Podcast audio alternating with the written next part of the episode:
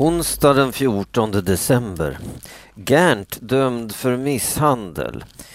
Igår tisdag dömdes fotbollsspelaren och landslagsanfallaren Alexander Gernt för misshandel. Tingsrätten i Helsingborg dömde honom för att i våras ha klämt åt sin förra frus hals när hon höll i deras barn. Han sparkade också en fotboll på henne.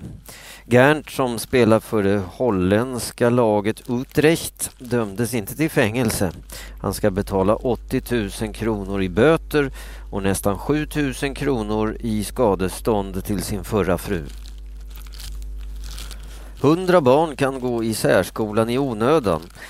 Skolinspektionen har granskat särskolan i många kommuner sedan i november.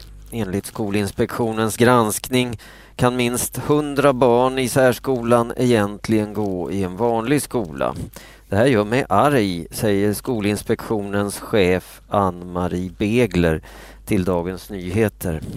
Skolinspektionen tycker att många kommuner är för dåliga på att eh, ta reda på vilka som behöver gå i särskola. Uddevalla, Munkedal, eh, Söderhamn, Överkalix, Hörby, Enköping och Hässleholm är de kommuner som får mest skäll av Skolinspektionen. Läkare jobbade 63 dagar utan vila.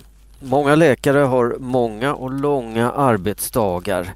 En läkare vid Norrlands universitetssjukhus i Umeå jobbade i 63 dagar utan att ha en enda vilodag.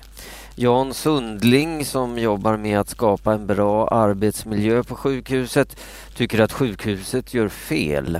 En trött läkare riskerar att göra ett sämre jobb vilket är dåligt för dem som är patienter på sjukhuset, menar Jan Sundling.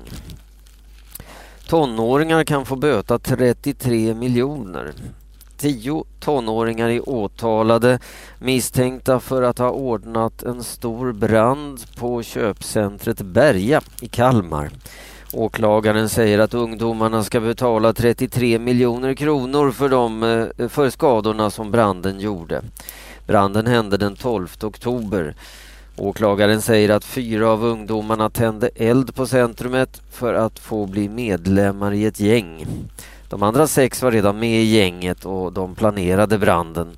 Alla är mellan 15 och 18 år gamla. Vansinnesdåd i Belgien.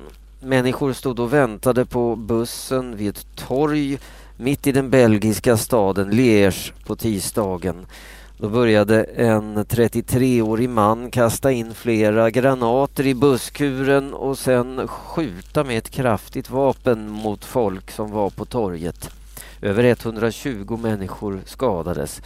Fem människor dog, bland annat två tonåringar och en 17 månader gammal bebis. Efter dådet sköt mannen sig själv. Hemma hos honom hittade poliserna senare en död kvinna. Belgiska myndigheter säger att det hemska som hänt inte var en terrorattack. Mannen samarbetade inte med någon. Men varför han sköt människor är inte känt. Idag ska Belgien ha en tyst minut för de som dog. Översvämning hotar Falkenberg. Ån Ätran i Halland håller på att svämma över. Myndigheten för samhällsskydd och beredskap har skickat 300 sandsäckar till Falkenberg som hotas av översvämning. Sandsäckarna ska läggas utanför staden som skydd mot det stigande vattnet. Väderexperterna vet inte hur mycket vattnet kommer att stiga. Det beror på hur mycket det regnar de närmaste dagarna.